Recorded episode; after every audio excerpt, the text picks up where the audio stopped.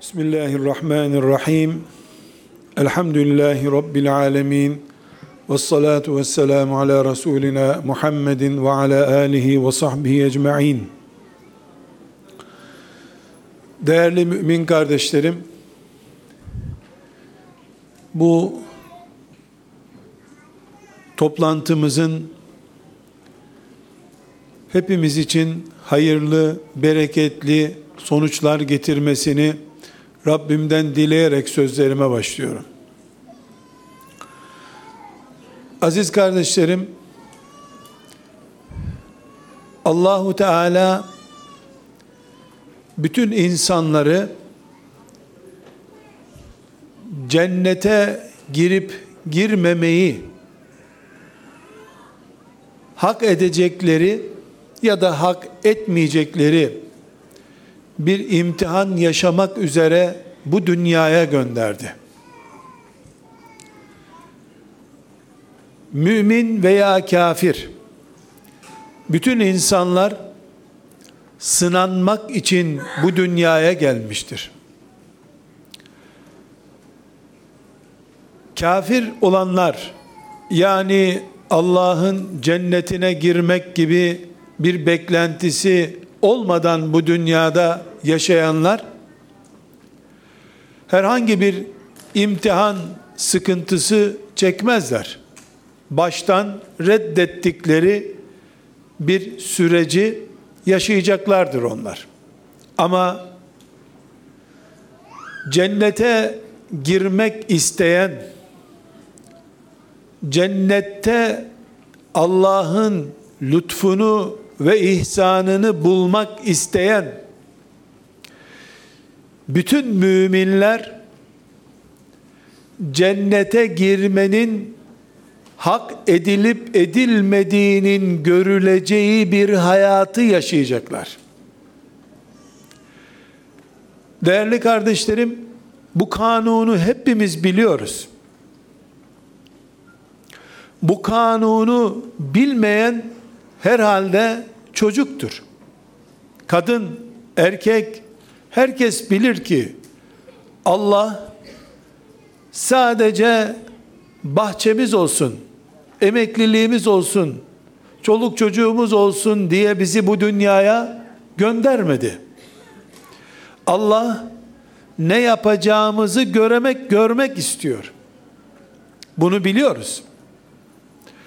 Ancak bugün 2014 yılında ya da 2024 yılında veya 2034 yılında yaşayan cennete girme arzusu bulunan bütün müminler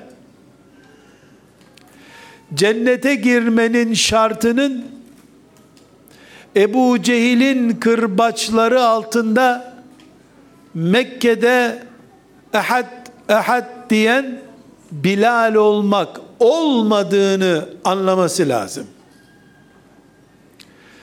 Cennete girmeyi hak etmek için Bilal gibi kırbaçlanmak diye bir madde yoktur. Çok değerli kardeşlerim, cennete girmek için Uhud meydanında şehit olmak da şart değildir. Cennete girmek için Mekke'den Medine'ye hicret etmek de şart değildir. 2014'te, 2024'te, 2034'te Mekke'de Bilal-i Habeşi'nin o filmlerde izlediğimiz kırbaçlanma sahneleri Bilal'in imtihanıydı. Bilal o kırbaçları reddetseydi, kabul etmeseydi, imtihanı kaybedecekti. Mekke'den Medine'ye hicret etmeseydi ilk Müslümanlar biz Mekke'de kalırız, baba toprağını bırakmayız deselerdi Allah'ın cennetini kaybedeceklerdi. Peygamber aleyhisselam Uhud'da öldürülme tehdidi altındayken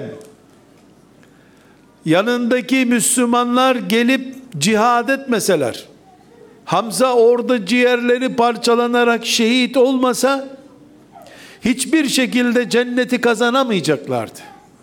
Çünkü çünkü o günün imtihanı Uhud dağının eteğinde Allah'ın peygamberi Muhammed aleyhisselamı korumaktı. O gün imtihan oydu. O günün imtihanı Mekke'den Medine'ye hicret etmekti. O imtihanı kazanan Müslüman oldu, cennete girdi. Aziz kardeşlerim, herhalde hiçbirimiz demeyiz ki cennete girmek için Mekke'ye gideyim de bir deve kiralayayım. O deve ile Medine'ye kadar gideyim de ben de Müslüman olarak öleyim. Böyle bir şart olmadığını biz de biliyoruz. Deve ile Medine'ye hicret zamanı bitti. Şimdiki 2014'ün, 2024'ün, 2034'ün, 2044'ün, 2054'ün imtihanı hangi zamanda Allah senin karşına neyi çıkardıysa onu kazanmandır. Bilal'in karşısına Ebu Cehil'in kırbacını çıkardı. Ebu Bekir'in karşısına da mağara arkadaşlığını çıkardı. Uhud'daki müminlerin karşısına 3000 tane azılı silahlı müşrik çıkardı. Kazanın gelin dedi Allah. Ama Müslümanlığın cennete girmenin şartı Uhud'da savaşmak değildir. Bedir'de savaşmak değildir. Medine'ye hicret etmek değildir. Müslümanlığın şartı Allah'ın senin karşına koyduğu imtihanı kazanmaktır. Bu imtihan işte o gün kırbaçtı, hicretti, Uhud'tu, Bedir'di. Bugün Bedir, Uhud tarihi ziyaret yeridir sadece. Ama Müslümanın kendi doğurduğu çocukla o çocuğu namaz ehli takva bir Müslüman yapmak için geçirdiği 20 yıl 30 yıl bir Müslümanın Uhud'udur, Bedir'idir, hicretidir. Müslümanın ailesinde bu çağın getirdiği belalar yüzünden sıkıntı çekip bunalması bu zamanın cennete girme şartıdır. Ama bu zamanda Uhud tarihi olayların cereyan ettiği bir dağdır sadece. Hacılar, Umre'ye gidenler, Uhud dağının eteğinde hatıra fotoğrafı çektirerek bin kere fotoğraf çektirseler de Uhud dağının taşlarını yalasalar da Uhud dağının eteklerinde bir ay aç kalsalar da kendilerini mızraklasalar da Hamza'nın şehit düştüğü yerde herkes ciğerini söküp köpeklere yem etse bile Allah'ın razı olacağı tek bir sevap işlemiş olamazlar. Evet, Hamza oradan Allah'a cennetin şehitlerinin efendisi olarak gitti. Ama günü, pazarı oydu da ondan dolayı.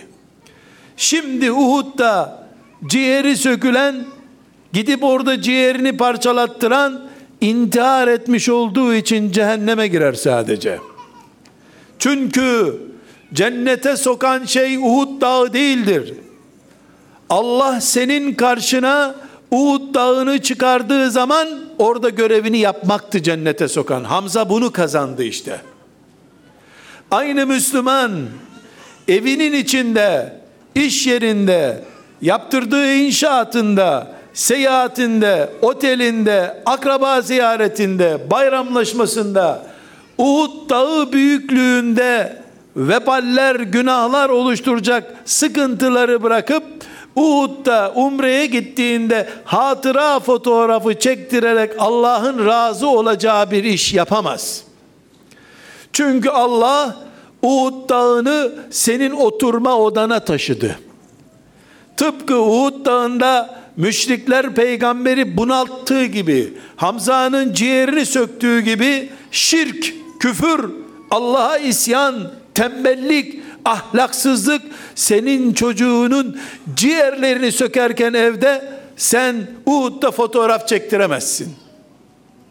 Yanlış bir pazarda ticaret yapıyorsun sen. Allah her kulunu her zamanın değişeceği şekilde bir imtihana tabi tutuyor.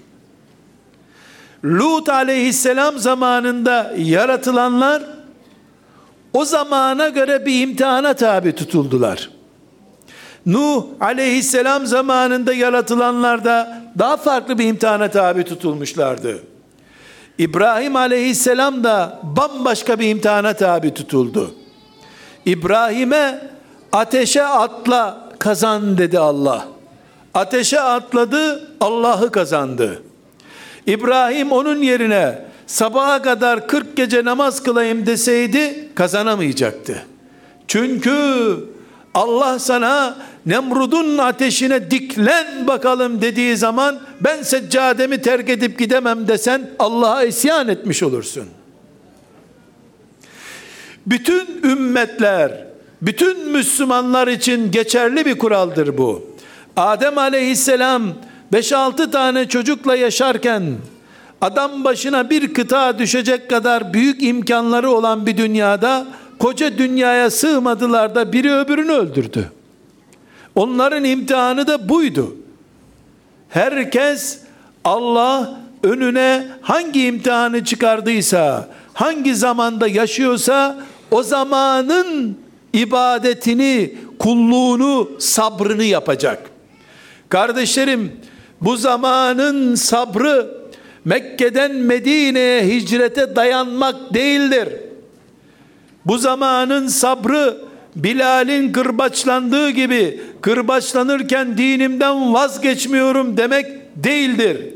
Kimseyi kırbaçlayarak dininden vazgeçirdikleri bir dünya yok zaten.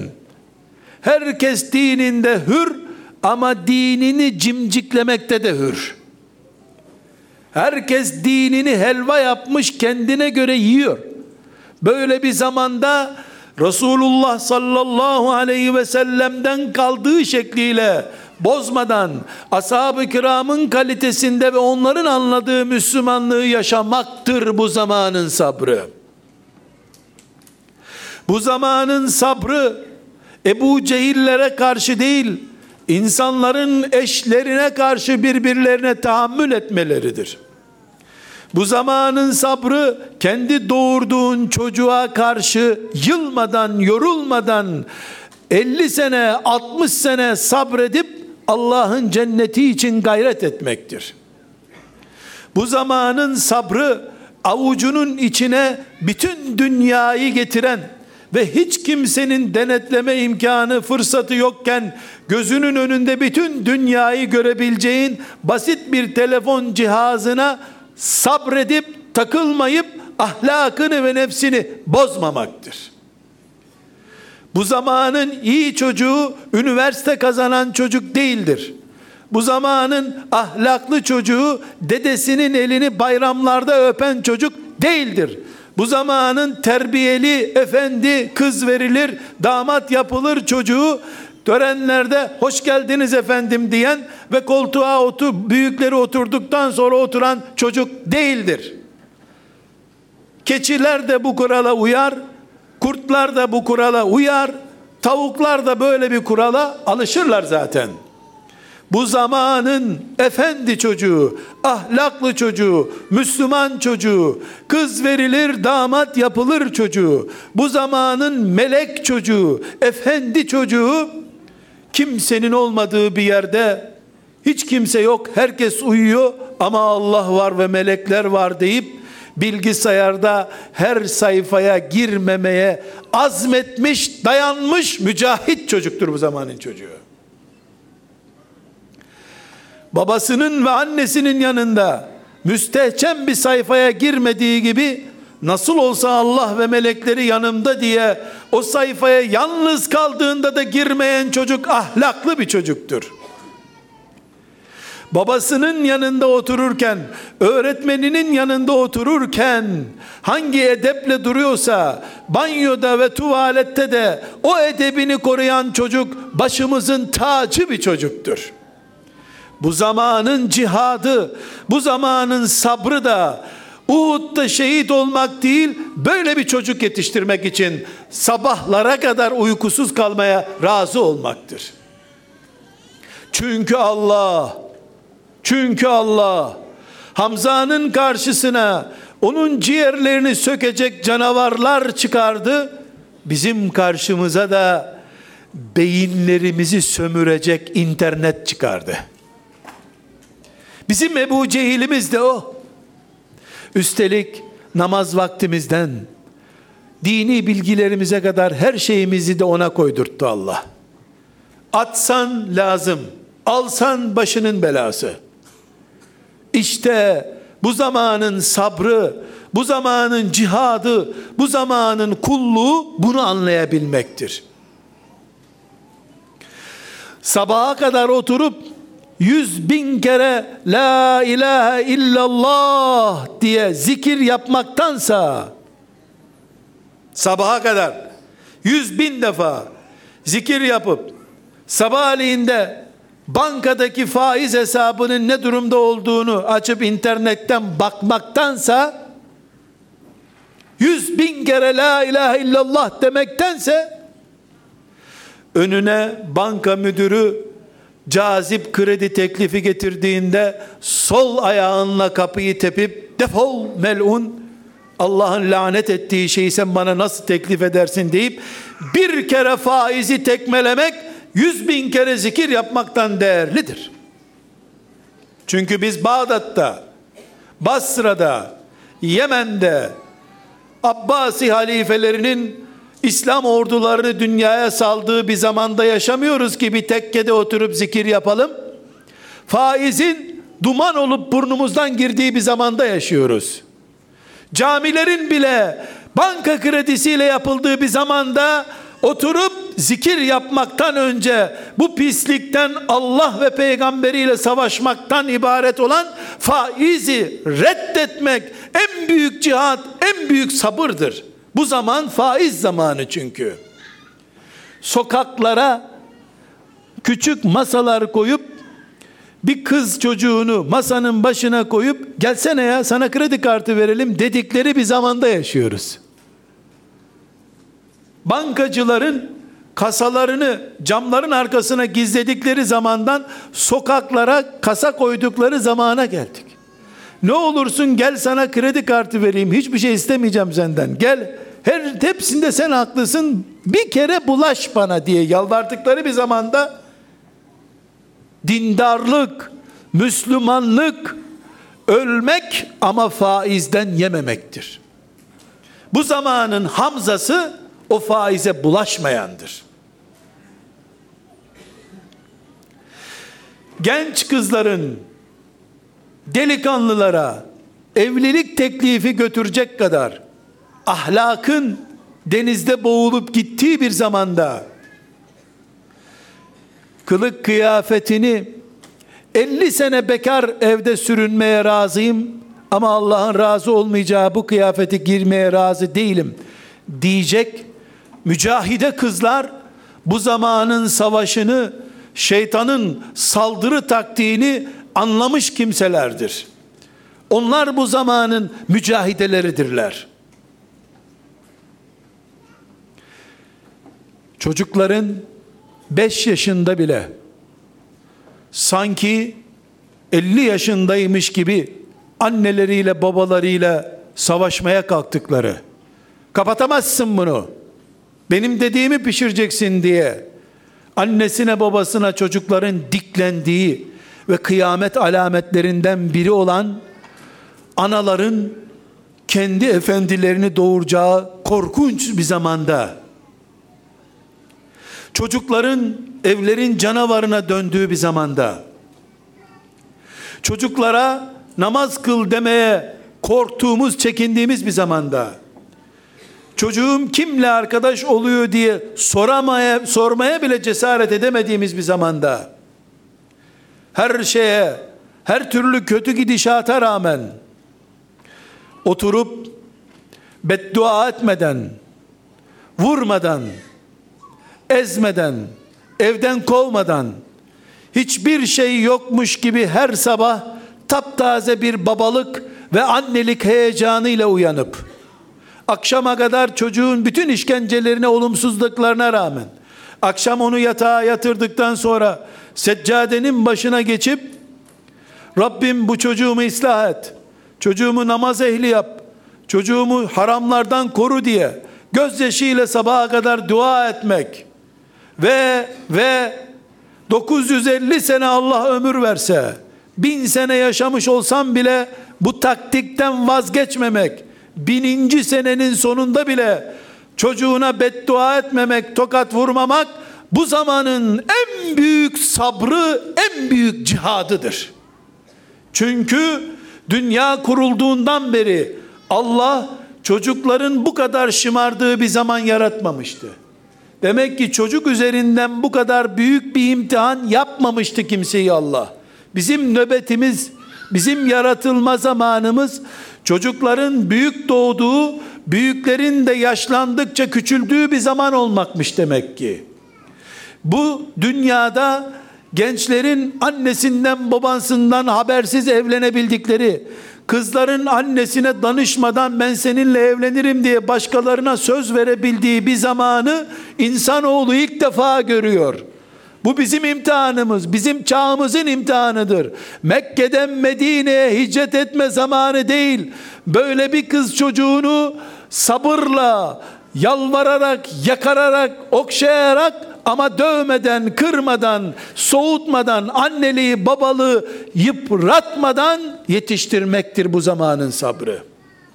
Bunu anlamayanların Mekke'ye, Medine'ye gidip hatıra fotoğrafı çektirmeleri onları kıyamet günü kurtaramayacaktır. Hiç kimse babasının ne sabırlı adam olduğundan dem vurmasın. Herkes ben ne kadar sabırlıyım bunu test edeyim diye düşünsün. Çünkü baban ve annen, dayın, deden, ninen onların zamanının imtihanı ile imtihan oldular ahirete gittiler. Biz bizim zamanımızda yağan yağmurun suyunu içtiğimiz gibi bizim zamanımızda tarlalarda biten buğdayın ekmeğini yediğimiz gibi Rabbimiz bize bu zamanda gereken bir imtihanı verdi, verecek. Biz bu zamanın sabrını yaparsak iyi mümin olarak dirileceğiz. Geçmişlerin yaptığıyla övünmek de bizi kurtarmaz. Onlar ne iyi zamanda yaşamışlar demek de bizi kurtarmaz. Onlar da bir önceki nesle bakıp ne iyi zamanda yaşamış diyorlardı. Bizden 100 sene sonra gelenler de ne şanslı insanlarmış 2014 yılındakiler diyecekler belki de. Yanlış bu sözler. Allah için bütün zamanlar aynıdır. Allah için milattan önce milattan sonra yok ki. Allah herkese aslında adil bir şekilde bir imtihan veriyor. Herkesi bir şekilde imtihan ediyor. Herkes kendi imtihanının çok zor ve ağır olduğunu zannediyor. Hayır. Allah adaletlidir. Evet bize ağır gibi imtihanlar verdi. Çok zor geliyor bize ama bunun karşılığında da ne büyük nimetler verdi Allah herkesin oturduğu yerde bir bilgisayarın karşısında Adem Aleyhisselam'dan beri gelmiş bütün kitapları, bütün ilimleri 5 dakika içinde okuyabileceği kadar büyük bir nimete kavuştuk biz. Biz kendimizi aziz dostlarım mümin kardeşlerim, bacılarım, müminler biz kendimizi ezanın Türkçe okutulduğu, ezan okumanın yasak olduğu zamanın Müslümanları ile kıyaslayamayız. Onlar ezanın onurunu koruyup korumayacakları imtihanı ile imtihan oldular gittiler. Bizim imtihanımız ezanın Arapça okunup okunması imtihanı değildir. Bizim imtihanımız kulağımıza davul sesi gibi geldiği halde kalkıp camiye gidip gidememe imtihanıdır. Önceki nesil ezanı Latince duydukları için gitmedik diyemeyecekler. Allah niye camileri boş bıraktınız diyecekti. Bize ezan Bilal'in sesiyle geliyor. Bilal'in lehçesiyle geliyor. Camiler yine boş kalıyorsa biz ne diyeceğiz Allah'a? Bu zamanın imtihanı demek ki Kur'an okumak yasakmış. Ezan minarelerde okunmuyormuş. Bu imtihan değil demek ki. Şimdiki imtihanımız bizim yatakların yapışkanlığını sıyırıp atabilmek ve camiye gidebilmek imtihanıdır. Şimdiki imtihanımız bizim ağzımızı yalana alıştırmama imtihanıdır. Şimdiki imtihanımız bizim randevuyu namusumuz kabul edip vaktinde orada olma imtihanıdır. Borcumuzu dinimiz bilmemizdir. Bu zamanın imtihanı bu zamanın insanları için yaratıldı. Kardeşlerim şu hale dikkat ediniz. Bundan 80 sene önce başörtülü başörtüsüz şöyle veya böyle tek bir Müslüman kızı herhangi bir okulda okuma imkanına sahip değildi. Ne medreseye gidebiliyorlardı ne de bir devlet okuluna gidebiliyorlardı. Zil zurna cahil kadınlar yetişti. Ama o kadınlarla evlenenler 5-10 çocuk sahibi oldular. Huzurlu, mutlu yaşadılar.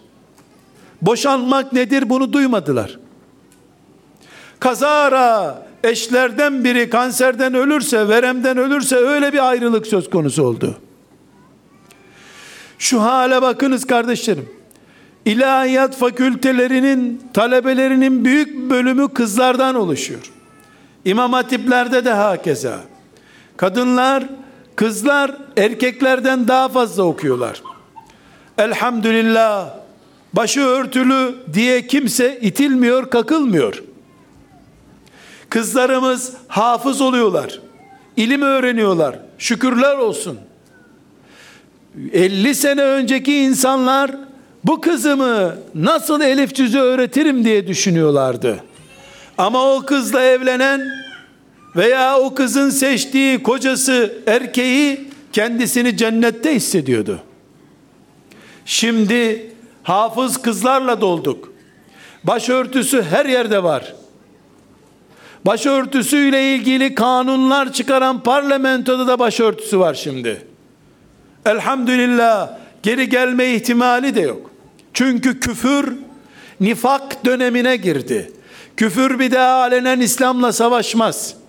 Küfür yalvarıp yakaracak ben de sizin gibi diyecek dolayısıyla başörtüsü bir daha yasaklanmaz. Ama aziz kardeşlerim, değerli kardeşlerim bu zamanın imtihanına bakın siz. Bu zamanın imtihanına bakın. Hafız damatla, hafız kızla, başörtülüyle, sakallıyla evlenip bu evlilik 10 sene devam eder mi diye sorsan kimse 10 sene devam eder diyemiyor. İnsanlar sanki boşanmazsan günaha girermişsin gibi boşanıp boşanıp duruyorlar. Yahu din yoktu, kadınlar cahildi, erkeklerin işi gücü yoktu, tarlada çalışıyorlardı, evlerde mutluluk vardı, din geldi, ilim geldi, sakal geldi, sarık geldi, çarşaf geldi, kıyafet geldi, kadınlar alim oldu, aile gitti. Aile gitti. Demek ki bu zamanın imtihanı Aziz kardeşlerim, bu zamanın imtihanı başörtü kavgası zamanı değil. Bu zamanda başörtüye takılmanın bir gereği yok. Tesettürden önce insanlık konusunda sıkıntılı bir zamana geldik biz. Tesettür ikinci konu oldu, insanlık birinci konu oldu. Eğer bizim yaşadığımız topraklarda namaz kılan bir insan, tesettürlü bir anne baba, psikiyatride 5 sene 6 sene tedavi görmüş kız çocuğunu, o tedavi gördüğü hastalığı gizleyerek bir Müslümana evlendirmek için teklif edebiliyorsa, biz bu zamanda tesettürden önce ahlak, iffet, söze güvenilirlik imtihanını kaybediyoruz demektir. İnsanların referansının bir itimadı yok. Şu kadar tedavi görmüş. Belki çocuk doğurması mümkün değil. Belki doktor raporu kocasını boğabilir bunu evlendirmeyin sakın. Eşini boğabilir. Bu tedavi görmesi gerekiyor denecek birine Hacı efendiler ey ey delikanlıdır, ey delikanlıdır. Bunu alın, buna damat yapın diyebiliyorlarsa biz bu zamanda çok şeyi kökünden kaybettik demektir. Bunların hepsi gösteriyor ki bizim zamanımız kız çocuklarını nasıl okutacağız diye endişe etme zamanı değildir. Bizim zamanımız bu kız çocuğu da Meryem annemiz gibi İsa kapasiteli insan doğurabilir mi diye endişe edip merakla sabaha kadar uykusuz kalma zamanıdır bu zaman. Bunu anlamayıp iki metre beze takılanlar bu ümmetin derdiyle dertlenemiyorlar demektir.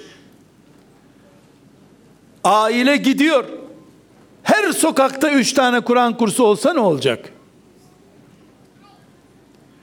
Çıktıktan sonra camiden bankada faizli hesabına hiç içinde cız etmeden, endişe etmeden gidip para yatırmaya giden insanlar namazı camide kılsa ne olacak? Evde kılsa ne olacak? Dükkanında kılsa ne olacak? Bizim derdimiz bu zamandaki fırtınayı tanımaktır. Nuh Aleyhisselam'ın gemisinin suyu karadan mı aktı? Gökten mi düştü? Buzdağları mı erimişti o zaman? Böyle hikayelerle geçirecek vaktimiz yok bizim. Nuh'un gemisine muhtaç bir zamana geldim ben. Evimde boğuluyorum. Evimde huzurum yok. Camiye gittiğimde kendimi Resulullah'ın arkasında huzurlu bir namaz kılarken aleyhissalatü vesselam hissedemiyorum. Ticaretimde mümin kardeşime bile güvenemiyorum.'' Böyle bir zamanda ben eski ümmetlerin imtihanlarını sabaha kadar konuşsam ne olur? Akşama kadar konuşsam ne olur? Bilal'e ne kırbaçlar vurmuşlar. Sırtına mı vurmuştu, göğsüne mi vurmuştu kırbacı acaba? Ne mühim araştırma bu. Zaman eskilerin imtihanını konuşma zamanı değil. Ben ben ben imtihan oluyorum bugün. Benim yaram var. Doktor benim yaramı pansuman etsin. Nerem ağrıyor. Sıkıntım nerede? Bana doktor onu söylesin. Senden önceki hastanın yarası şöyleydi diye bana niye tarif ediyor ki? Ben benim yarama çare arıyorum. Bu zamanda kardeşlerim aile düzeni kurmak bir evlat yetiştirmek ve evlatlarımızı övünç kaynağımız, göz aydınlığımız haline getirmek. İki, üç, ümmeti Muhammed'in siyasetini, coğrafyasını muhafaza etmek. Dört, ekonomimizi haramlardan başta faiz olmak üzere haramlardan arındırmak, temiz, tertemiz zemzem suyu gibi bir rızkı çoluk çocuğumuza götürmek. Beş, dejenerasyona uğrayan ahlakımızı yeniden sahabe ahlakı seviyesine çıkarmak. Sokaklarda yürürken yatak odası rezilliğine dönüşmüş Etrafta gece kondu. Temizlenmemiş sokaklar ama panolardaki reklamlar yatak odası çılgınlığına dönüşmüş. Böyle bir ortamda biz hangi imtihandan söz etmemiz gerekir? Yarın Allah bizi Nuh Aleyhisselam'ın gemisinin güverte genişliğini biliyor muydunuz diye soracak mı bize Allah? Yoksa senin evin Nuh fırtınası gibi bir tufan gibi tufanla helak olup gitmişti. Çocukların senin yatmanı dört gözle bekliyordu. Sen yatar yatmaz çocuk internete girdi. O da arkadaşıyla alemlerde yattı gitti. Sen sabah namazına kalktın. Çocuk bilgisayarın başında rezil bir alemde uyudu kaldı. Ama sen sabah namazına gittin. Allah o çocuğu sana emanet etmişti. İnternet senden kaptı çocuğu. Sen ise camide ya Rab ya Rab diye dua ettin. Bu zaman elbette ve elbette sabah namazını camide namaz kılma, namaz olarak kılma zamanıdır. Ama sabah namazını değil, öğleyi bile kılamayan çocukların hesabını da yapma zamanıdır.'' Çocuklarımızın namuslu, iffetli, yalansız, riyasız, heybetli, Allah'tan başkasından korkmaz. Şecaat sahibi olmalarını olmaları için çalışmak, olmalarını sağlamak babalık ve annelik değil de nedir? Herkesin en önce sattığı şey vatanı olduğu bir zamanda bu gençlerin vatan mefhumuna sahip olmalarını sağlamak annelik babalık değil de nedir? Bu zamanın imtihanı aziz kardeşlerim bu zamanın imtihanı çocuklarımızı yazın camiye iki ay Kur'an öğrenmeye gönderilerek geçiştirilebilecek bir imtihan değildir. 10 aylık baskı, 10 aylık gevşeklik ve fısku fucur, 2 aylık 2 saat 2 ay süren bir çalışma ile giderilemez. Bu zamanın imtihanı ümmeti Muhammed olarak her şeyden önce Allah bizi ne ile karşılaştırdı onu anlama zamanıdır. Teknoloji yeryüzünü gökyüzüne taşımış. Yeryüzü gökyüzüne çıkmış adeta. Kablolu, kablosuz her şey birbirine iletişiliyor. Bir avucun içine Çin'den Amerika'ya kadar, Türkiye'nin bir köyünden öbür köyüne kadar her türlü bilgi bir avucun içindeki cihaza sığdırılıyor. Ondan sonra o bilgileri de tırnak kadar bir aletin içine yığıyor gençler. Bu çağda biz hala Abdülkadir Ceylani bir gün gözünü kapattı da bir baktı ki diye o zamanın imtihanlarını yansıtan değerlerle nasıl geçiştirebiliriz? Kapat gözünü sen çocuğun bak neler yapıyor görürsün Ceylani neredeymiş. Bir sen kapatıver gözünü. Aziz kardeşlerim neler yapılacak bu listeyi vermiyorum. Buna gerek yok zaten. Ama bu zaman dün değil, yarın da değil. Biz 2014 yılını yaşıyoruz. Teknolojimiz var, bilgisayarımız var, her şeyimiz var. Biz bu zamanın çocuklarıyız. Ümmeti Muhammed'in 2014'te yaratılmış versiyonuyuz biz. Biz önceki nesillerin imtihanına uğramadık. Çanakkale diye bir derdi yok Avrupa'nın artık. Dolayısıyla Çanakkale diye bir saldırı yoktur. Fiber saldırı var. Şimdi kablosuz saldırılar var. Şimdi internetten batırmalar var. Çanakkale'de nöbet bekleme zamanı mı şimdi? Sen Çanakkale'de nöbet beklerken gerisini alıp gidecek adam. Çanakkale geçildi geçilmedi bitti o iş. Şimdi boğaz kaleler geçiliyor. Haramlar boğazlardan aşağıya geçiyor. Kardeşlerim, bunun adına dinimizin bu zamanda bizden beklediği şeyler diye bir isim de verebiliriz. Bir noktayı daha ikaz ediyorum kardeşlerim. Eskiden yani eski dediğim 50 sene önce, 70 sene önce Avrupa'da kiliselerde yetiştirilmiş misyonerler bilhassa Afrika gibi fakirlik, sefalet çeken İslam toplumlarının bulunduğu yerlere giderler ve resmen Hristiyanlık daha güzel dindir. Müslümanlık çok çetin bir din vesaire propaganda yapar. İnsanların, Müslümanların dinlerinden soğumaları için uğraşırlardı. İşte sizin dininiz kötü, bizim dinimiz güzel derlerdi.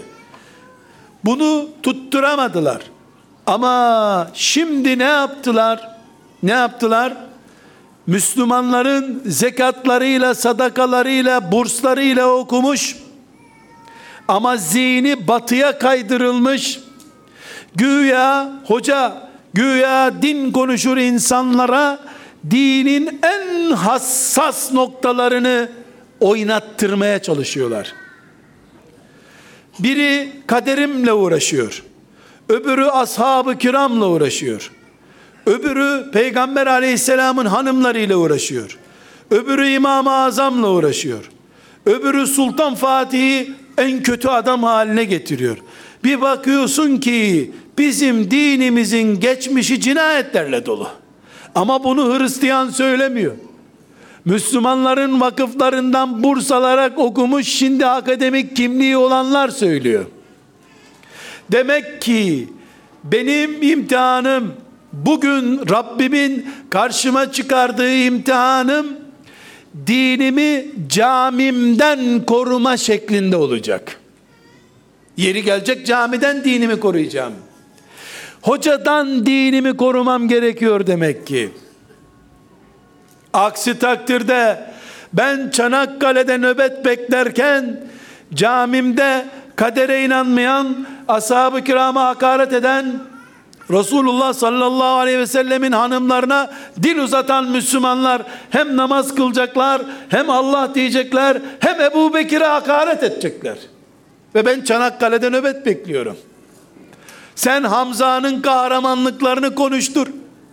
Savaş değişmiş, şeytan ordularını yenilemiş, taktiğini yenilemiş. Biz hala eskiyle uğraşıyor olamayız. Bu zamanın cihadı, bu zamanın sabrı, bu zamanın kulluğu bu zamana göre olacak. Bunu anlayacağız önce. Vakıflar, dernekler ve İslam adına çalışma yapanlar oturup fakir fukaraya yardım kampanyaları yapmalarının bir manası yoktur. Müslümanlar hala mahallelerindeki bir garibi desteklemek için hala bir sivil toplum örgütünden yardım alacaklarsa yardıma da gerek yok demektir o zaman. Hala Müslümanlar Kızılay desteğiyle mi fakir fukarayı bulacaklar? Artık herkes komşusunu bulsun. Bu bolluk içerisinde yardım derneğinin bir manası yoktur ki. Şimdi bu şeytanın geliştirdiği yeni savaş taktiklerine göre ne yapacağımızın hesabını oturup tekrar tekrar yapalım biz. Şeytan nereden geliyor? Aileden geliyor. Bundan sonra her birimizin ana hedefi aileyi korumak, aileyi muhafaza etmek olmalıdır. Şimdi şeytan ne yapıyor? İmanımızı kendi içimizdekilerin e, eliyle kösteklemeye, bozmaya çalışıyor. Oturup biz Müslümanlar olarak kendi imanımızı nasıl koruyacağımızı araştıracak enstitüler kuralım. Şimdi ne yapıyor? Çoluk çocuğumuzun ahlakını dejenere ediyor. Oturup çocuklarımızı mikroptan, hastalıktan koruduğumuz gibi kötülüklerden, afetlerden de nasıl koruyacağımızı araştıran derneklerimiz olsun. Öbür türlü derneklere yardım etmeyelim. Hala eski kafayla iş yapan Çanakkale geçilmez derneklerini geçip gidelim biz. Dünya değişti, stratejiler değişti. Hala köy derneği mi kuracağız biz? Müslümanlar olarak uzay çağında at arabasıyla mı gideceğiz? İnsanlar uzaya araç gönderiyor. Biz at arabasıyla mı gideceğiz? Dünya değiştiyse namazımız aynı, Orucumuz aynı, haccımız aynı, zekatımız aynı, iman esaslarımız aynı ama savaş taktiğimiz, savunma taktiğimiz aynı olamaz. Peygamber aleyhisselam zırh kullandı. Mızrağı vardı, kılıcı vardı. Şimdi iyi Müslüman olmak için birer kılıç mı alacağız kendimize? Peygamber aleyhisselama Kur'an geldiğinde onu kiremit parçalarına, kemiklere yazdılar. Şimdi musaflar kağıtta değil, kiremitte mi yazılı olsun? Hayır. Musaf kağıda yazılsın. Dijital ortama yazılsın diyoruz. Öyle de olması lazım. İslam donuk bir din değildir. İbadetleri sabit bir dindir. İbadetlerde değişiklik yok ama Müslüman pratik insandır. Çağının savaş taktiğini bilir, çağının sistemini bilir insandır Müslüman. Aziz kardeşlerim, bu sözlerimi tekrar özetliyorum.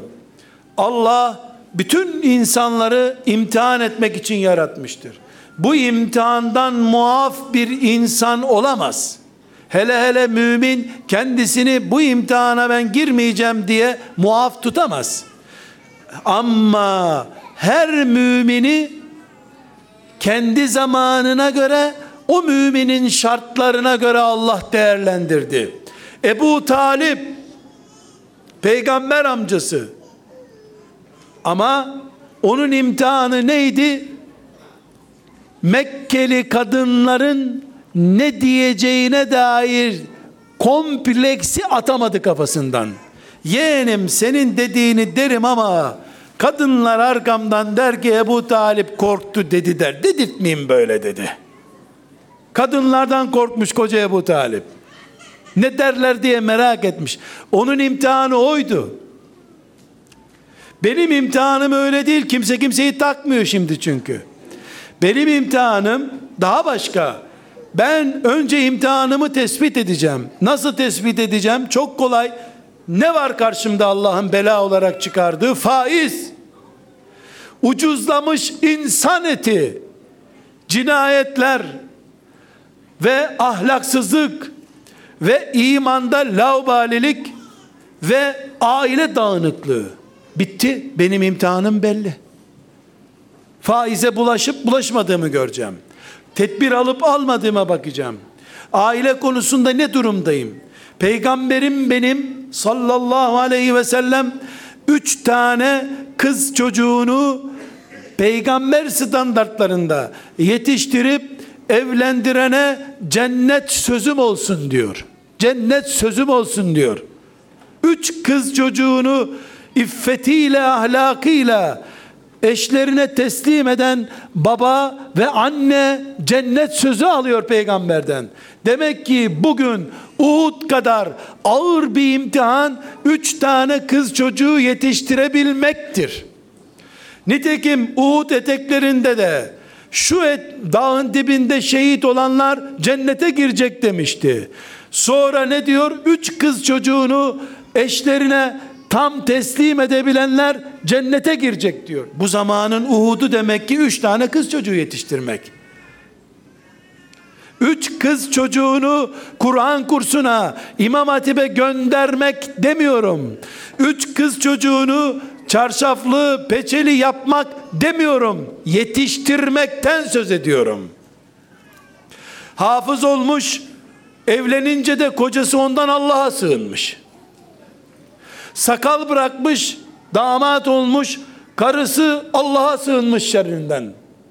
İnsan olmadıkça Müslüman nasıl olacak?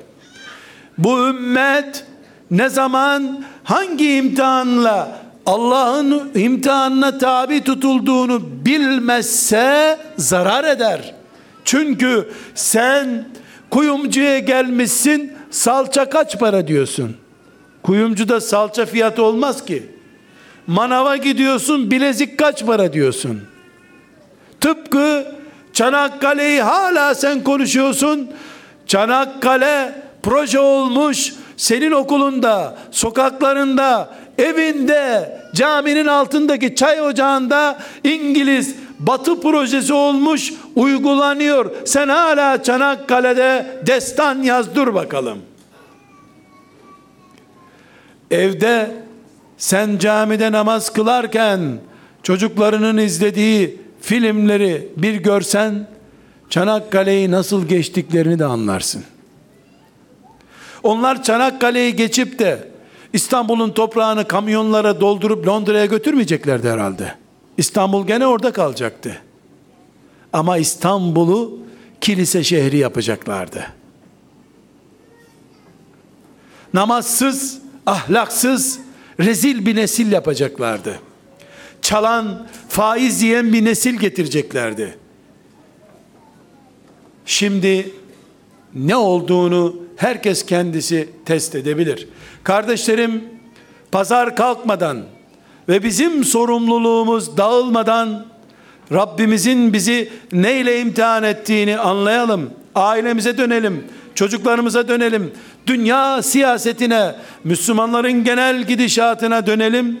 Ekonominin, faizin nerede olduğuna bakalım. Camilerin bize huzur verip vermediğine bakalım. Allah Kur'an'ında bunaldığınız zaman eşlerinizin yanına gidin huzur bulun diyor. Müslümanlar olarak evlerimize gidince kendimizi mini bir cennette mi hissediyoruz? Buna bakalım. İmtihan budur. Bu imtihan için çalışalım. Aksi takdirde Medine'de, Mekke'de, Uhud'da hatıra fotoğrafı çekmek melekleri kandırmaz. Velhamdülillahi Rabbil Alemin.